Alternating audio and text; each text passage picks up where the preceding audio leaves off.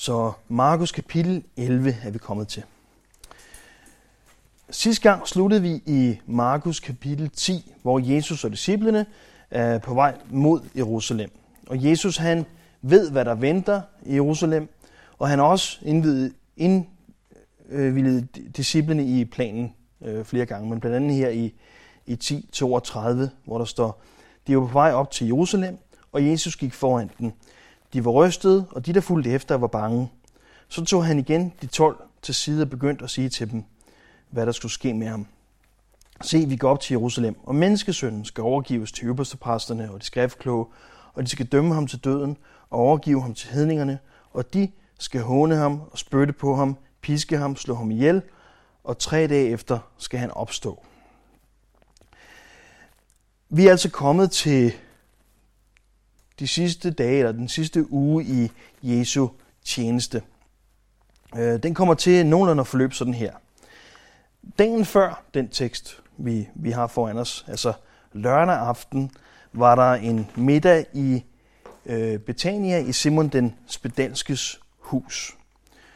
Øhm, det har vi en beskrivelse af i Markus 14 og Johannes 12. Simon var selvfølgelig ikke spedalsk mere.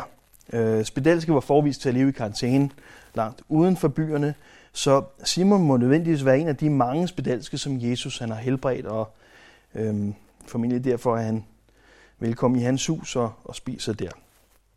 Og øh, det er også der, hvor øh, Lazarus og hans søstre er fra, og Lazarus er med til, til den middag der. Søndag, i den tekst, vi kommer til nu, der har vi indtoget i Jerusalem, altså det, vi kalder Palmesøndag. Mandag, det er der, hvor Jesus han forbander fintræet, og så går han videre øhm, med tempelrensningen. Øh, tirsdag kommer der den opfølgning på fintræet, hvor det vissen og ypperste præsterne og de skriftkloge konfronterer Jesus angående hans myndighed. Og Jesus han fortæller lignelsen om de onde vinbønder. Og de skriftkloge de stiller så Jesus en lang række spørgsmål, og Jesus han lukker munden på dem og advarer nu offentligt mod dem. Derefter så sætter Jesus sig over for tempelblokken og ser, hvordan folk lægger penge i blokken. Og onsdag har de sikkert lavet noget spændende, øh, eller også har de blevet hjemme og hygget sig. Vi ved ikke, hvad de lavede onsdag, øhm, og det er da et stort problem for nogle mennesker. Øhm, så man kan sige, at det er muligvis den dag, at Judas kontaktede præsterne for at forråde Jesus. Men det kan jo også være en anden dag. Øhm, torsdag og natten til fredag, øh, der har vi forberedelsen af påskemåltid og fejringen af den jødiske påske, eller Pesach, den her forbigang, hvor man fejrede, at dødens, dødens engel gik forbi de huse, hvor øh, man havde lammets blod på dørstolperne. Lammets blod, som selvfølgelig peger frem på, på Jesu på korsfæstelsen. Øhm, og Jesus han indstifter nadvaren der, skær torsdag, og derefter tager de til Gethsemane have, Gethsemane have, og Jesus han pågribes der, og alle flygter. Og fredag, der hvor Jesus piskes, afhøres, bottes, dømmes, korsfæstes, dør og begraves, ligesom han forudsagde og ligesom øh, vi ser det i The Passion of the Christ. Øhm, lørdag står der ikke noget om i Markus, men vi ved fra Matthæus 27, at det er der Pilatus han udkommanderer soldater til gravvagten. Søndag, Jesus er opstanden. Kvinderne møder en engel, og senere endnu viser Jesus sig for mange af hans disciple. Så vi har en, eller Jesus har i hvert fald en hård, hård uge foran sig. Og hvis vi ser de konfrontationer, der er, så kan man ligesom se, at nu bliver det speedet op. Nu bliver det intensiveret. I starten, der var Jesus meget... Øh, han, han, øh, det var meget påliggende at sige til folk, du skal ikke proklamere det her højlydt, du skal ikke gå og sige, hvad jeg har gjort, og det her skal du lige holde for dig selv nu, øh, når folk sagde, hvem han var. Han tillod heller ikke dæmonerne at sige, hvem han var. For timingen var vigtig. Men nu, øh, nu tager Jesus i, imod, øh, hvad skal man sige, øh, den fejring af ham som messias, og han, han øh, konfronterer øh, øh, de skriftkloge mere direkte, han gør endda i templet og laver tempelrensningen. For der er en timing, øh, der, der, skal, der skal passe, og der er, han har en, hvad skal man sige, han har en dato for, for alt, hvad han gør, som skal gå op med nogle profetier. og han skal helst sørge for, at de tør korsfeste ham, øhm, øh, når, når de gør det. For egentlig var de tilbageholdende med at gøre det over påsken, fordi de ville få folk for opstemt. Så man kan sige, at i en vis forstand, så er Jesus nødt til ligesom at, at presse lidt på her. Det ser vi, at det kommer til at passe det hele.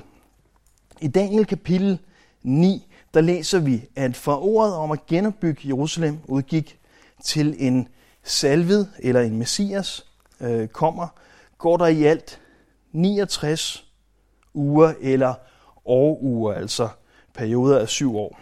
Det vil altså sige 483 år. De, der har forstand på den slags, og har lavet øh, kalenderarbejdet, jeg har ikke lavet kalenderarbejdet, men de, der har styr på den hebraiske kalender, den babyloniske kalender og alle de ting, øh, har regnet sig frem til, at ligger man de 483 år øh, til den dag, hvor Artaxerxes, som vi læser om i Esra og Nehemias, udsteder sit dekret, dekret om at genopbygge Jerusalem, så lander man på dagen på Palme søndag. Øhm, så det passer lige præcis med den profeti. Timingen er så vigtig, og profetierne er så specifikke. Det er så vildt, at det kan lade sig gøre. I det hele taget omkring profetier, Jesus opfylder så mange profetier, øh, vi har på andre tidspunkter tale om statistikker, og hvordan ingen andre ville kunne opfylde alle de profetier, eller bare halvdelen, eller bare en brøkdel af, af dem, som Jesus opfylder.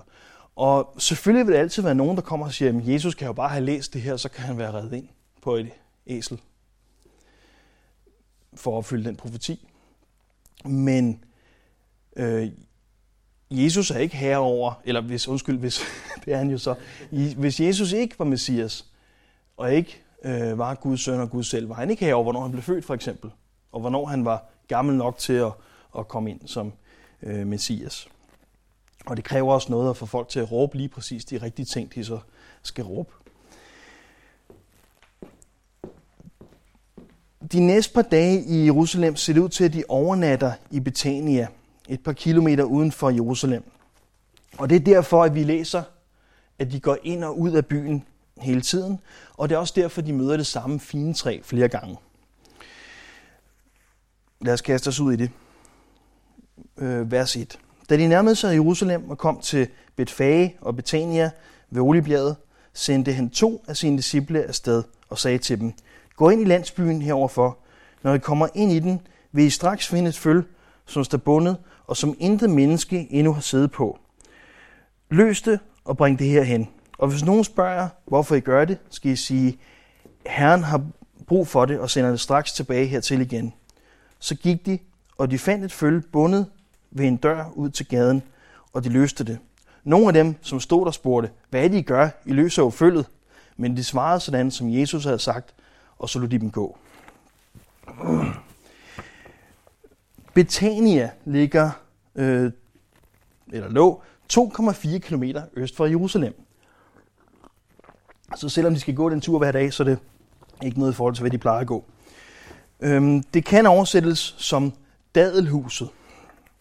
Øhm, I dag hedder det al øh, es, øh, SRO, tror jeg. Det er i hvert fald arabisk, og det betyder Lazarus stad, så altså opkald efter Lazarus.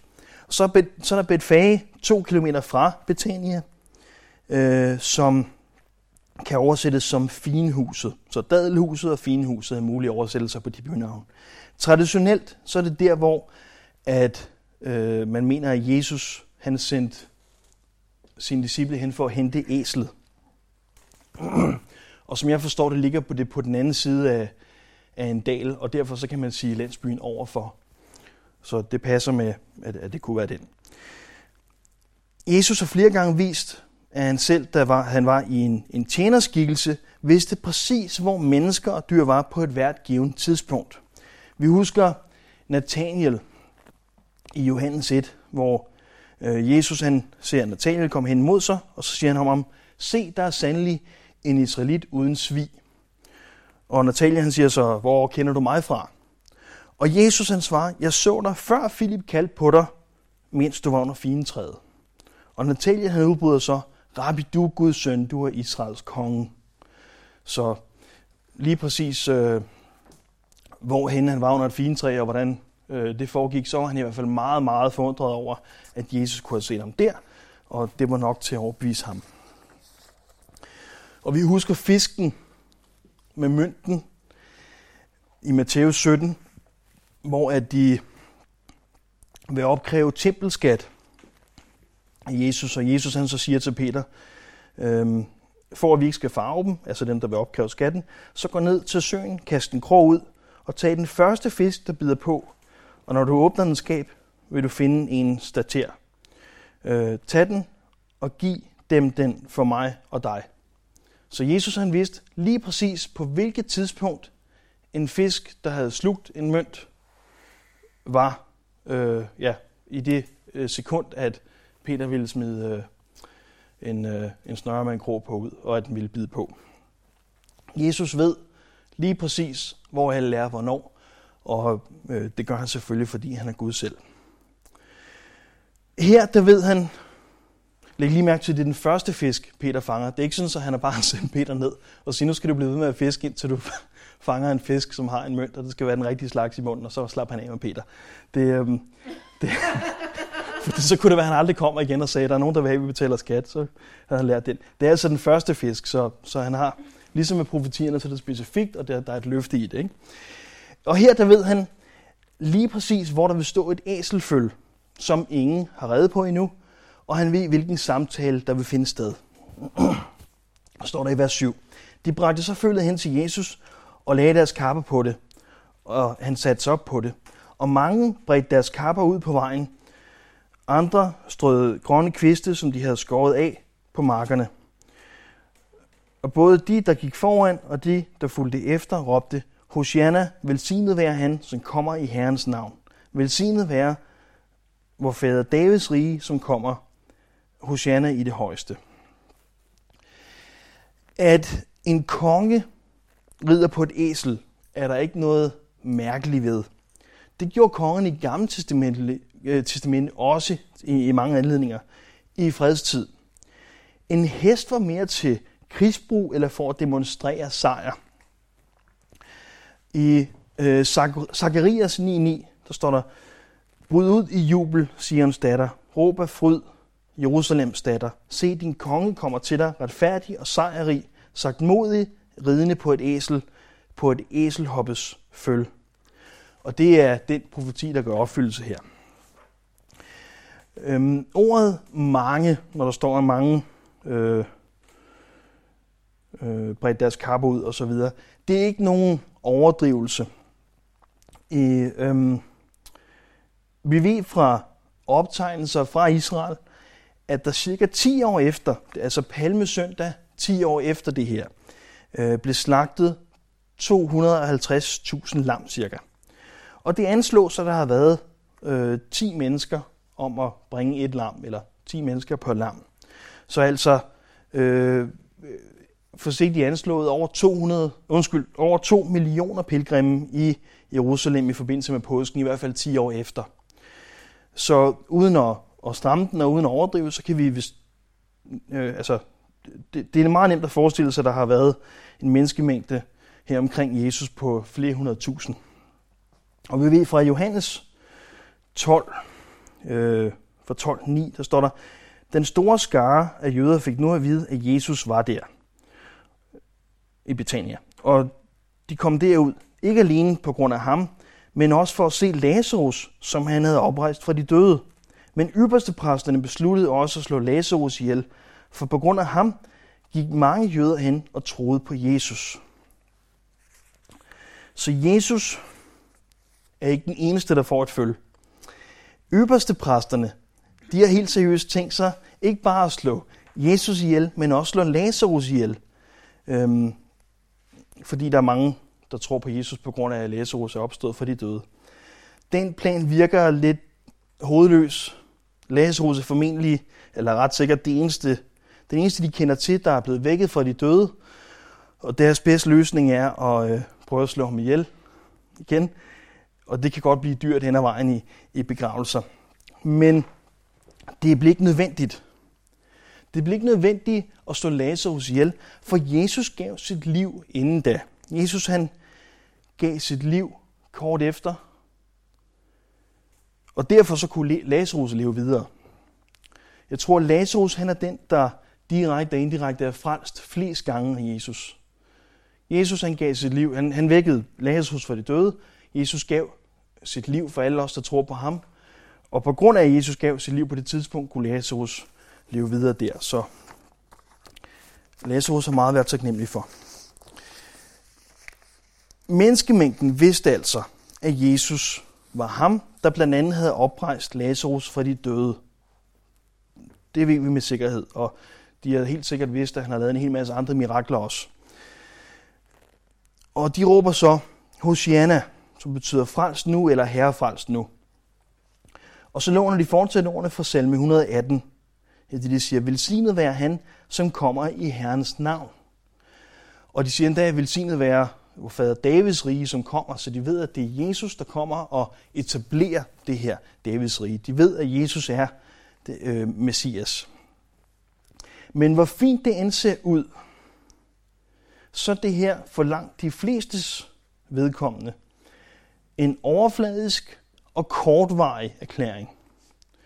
De byder Jesus velkommen som Messias, som konge, øh, ja, som herre, så længe han vil det, som de vil.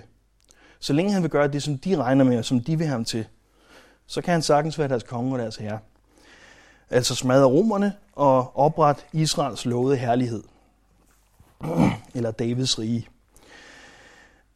Men tonen får en anden lyd, da Jesus i stedet for dømmer Israel, i det han, han dømmer fintræet som symbol på Israel, han dømmer øh, templet, som er hjertet af Israel.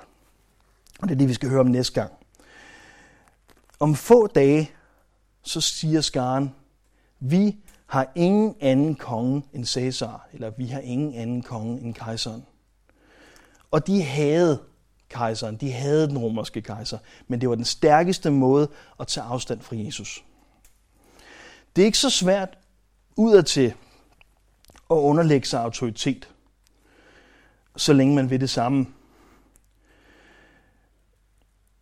Det er først, når din herres vilje ikke er i overensstemmelse med din egen, øh, eller omvendt, øhm, at det bliver spændende.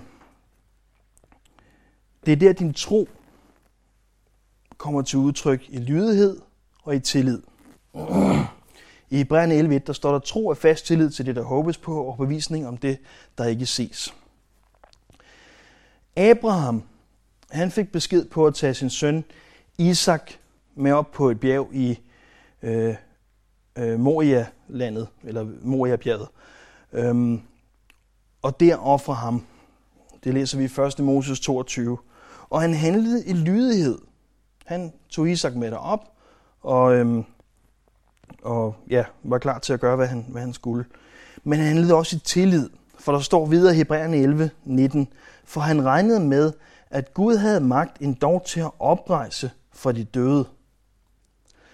Så uden præcedens, han har ikke haft nogen Lazarus, han har kunne se blive vækket fra de døde. Han har ikke øh, set Jesus opstanden fra de døde. Så uden fortilfælde, så regner han med, at Gud, han endda vil, om nødvendigt, vil oprejse Isak fra de døde, for han har jo lovet, at han skal få en, ma- øh, en masse afkom gennem ham.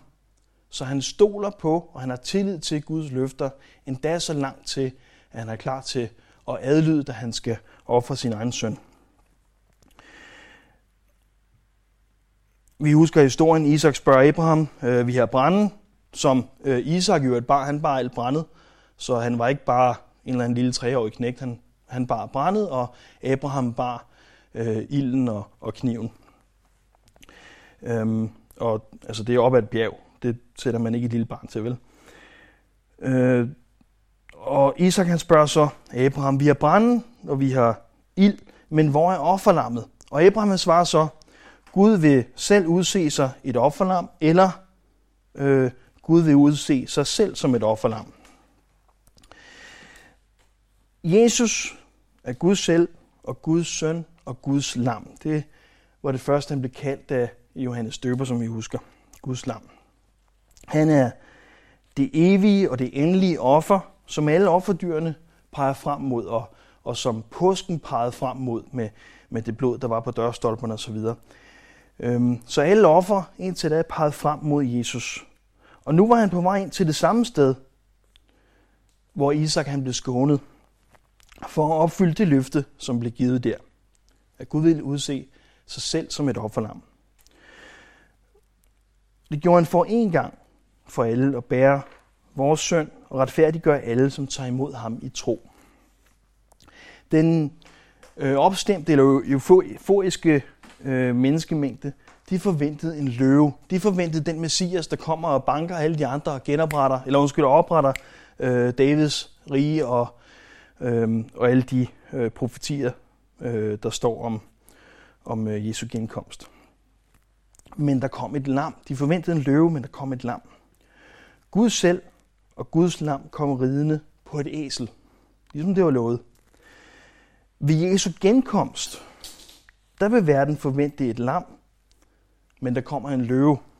Og Gud selv og Guds søn kommer i sit herliggjorte læme på en hest, med alt hvad det indebærer at komme til hest, øhm, som vi læser om det i åbenbaringen 19. Hvis du vidste, at Jesus han kom i morgen, vil du så gøre det samme, som du gør i dag? Så hvis du vidste, at Jesus han kommer i morgen, vil du så gøre det samme, som du gør i dag? Næste gang så skal vi tale om at være klar til Jesu genkomst. Vi taler om fintræet, vi taler om, om templet.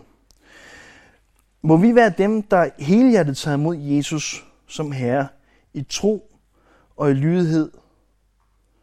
Undskyld, i tro i lydighed og i tro i tillid. Det er... Jeg vil, jeg vil ikke sige det tit, og jeg vil ikke stå og sige, at det, det er noget, jeg ser hver dag, men jeg tror, de fleste af os kender til mennesker øh, og grupper, som, som virker helt euforiske, så længe det hele går deres vej. Og I har, og, og du har, og lige så vel som jeg har, mødt mennesker, der tilsyneladende har taget imod Jesus, og til sydenladende tilbeder Jesus, og, og kan være med i de rigtige ting og sige de rigtige ting. Men når det ikke går deres vej længe nok, øh, så falder de fra og kan fuldstændig skifte karakter. Det er skræmmende, og jeg tror ikke, at nogen har taget imod Jesus, og, og Helligånden bor i dem, og så at de skifter rundt. Det er en, en beslutning, øh, man tager senere om ikke at følge Jesus, tror jeg på at om, at man aldrig har hørt ham til. Men det er ikke noget, jeg siger for at, at se ned på nogen eller dømme nogen. Skræmmende som det er, så ser man bare først, så ser man bare først, om folk de virkelig har Jesus som herre, øhm, ja, når de skal demonstrere deres tro i lydighed, eller når de skal demonstrere deres tillid. Og da jeg forberedte det, så tænker jeg på nogle af de ting i mit eget liv, hvor jeg tænker, ja, jeg, jeg tror på Jesus. Og, og jeg har egentlig ikke så svært ved at tro på, at når jeg dør, øh, så, øh, øh, så tager han mig til sig, og så skal jeg leve evigt sammen med ham. Men det, det, det har jeg det fint med at tro på. Det er ikke noget, jeg vakler i. Men alligevel så kan jeg opleve nogle gange, når jeg tænker mig om, så er der nogle små ting i mit liv, hvor jeg tænkte, ja, det her, øh, det var måske den, den rigtige måde at gøre det på. Det var den kristne måde, det var sådan, Jesus nok ville have, at jeg skal gøre det. Men nu lever jeg jo i den her verden, og her der er jeg lige nødt til at gøre sådan her. Og der handler, der handler jeg ikke i tillid, der handler jeg ikke, der handler jeg ikke i tro, som jeg gerne ville. Det betyder ikke, at jeg er bange for, at jeg lige pludselig vakler eller, eller falder fra eller noget som helst. Men når vi taler om næste gang at være klar til Jesus, han kommer igen, og være klar til Jesu genkomst, så tror jeg, det, så tror jeg, det er vigtigt, at vi renser os selv hver især og siger, de her store, abstrakte ting, som vi tror på. Jeg, jeg tror på opstandelsen og det evige liv og alle de her ting. Det burde være bevidnet i vores små beslutninger også. Og som jeg lige har indrømmet, så er det ikke altid, det er det i mit liv. Nogle gange så øh, ja, gør jeg jo det modsatte af, hvad jeg skal. Det gjorde Paulus også. Øh, det ser det ikke som en faresignal i sig selv. Men jeg håber, vi er klar til at rense os selv næste gang. Og så sige, at vi er klar til, at Jesus kommer. Og i hvilke små beslutninger, i hvilke små beslutninger, som vi tager dagligt måske, kan jeg vidne bedre? I hvilke små beslutninger kan jeg vise min, min, min tro bedre. Ja, må vi vokse i den tro. Jesus, vi, vi kommer til dig. Øhm, ja, vi har taget imod dig her. Vi, vi, øh, vi beder dig, Jesus, at du, troens banebryder, må, må øh, styrke sit tro her. Og må vi være dem, som helhjertet har taget imod dig, her, Jesus. Dem, som havde, ligesom dem, som havde set øh, dit vidnesbyrd og Lazarus, og, og som blev med med at, at vedkende sig dig her. Jesus, vil du tale til os og vise os øh, i vores liv, hvor vi handler i tro, og hvor vi ikke handler i tro her. Og må vi af din nåde til din ære være klar til din genkomst, Jesus. Tak, Herre. Amen.